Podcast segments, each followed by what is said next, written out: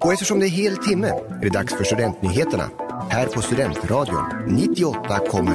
Oro inför salstentor. Misstänkta sexualförbrytare på fri fot. Knivattack i centrala Uppsala och Diego Maradona.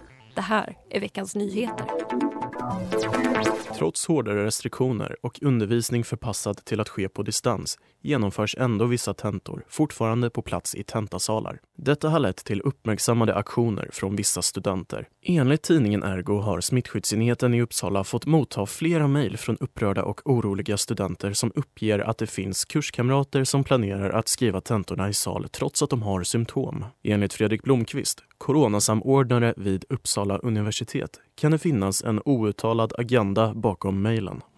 Jag tror att de vill att smittskyddsenheten ska påverka Uppsala universitet. Som student tror man att om jag kontaktar någon på smittskyddet så kommer smittskyddsläkaren att säga till Uppsala universitet att nu får ni upphöra med er verksamhet, säger han till Ergo.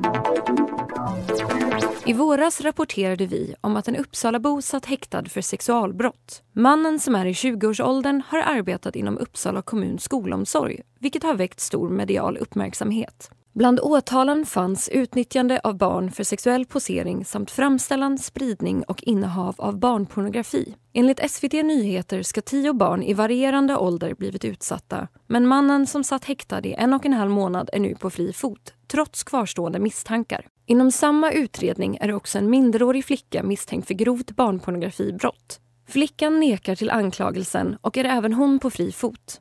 Utredningen väntas slutföras inom den kommande månaden. Under torsdagsmorgonen i förra veckan knivhöggs en tonårspojke i centrala Uppsala, uppger Dagens Nyheter. Överfallet skedde i ett område mellan Kungsgatan och Järnvägen. Killen, som är mellan 15 och 18 år, fördes i vaket tillstånd till sjukhuset. Gärningsmannen var okänd för pojken, men man misstänker att han kan ha åkt samma buss som offret. Polisen söker nu efter vittnen till incidenten och uppmanar alla som åkte busslinje 5 från Sävja mot Stenhögskolan runt halv nio samma morgon att höra av sig. Attacken rubriceras som försök till mord.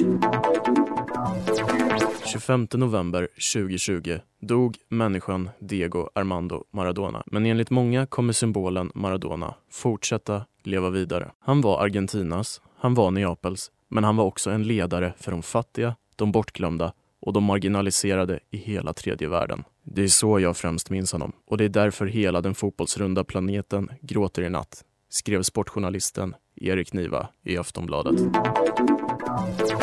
Det här var nyheterna på Studentradion 98,9. Med Marcus Helge och mig, Hanna Valfridsson.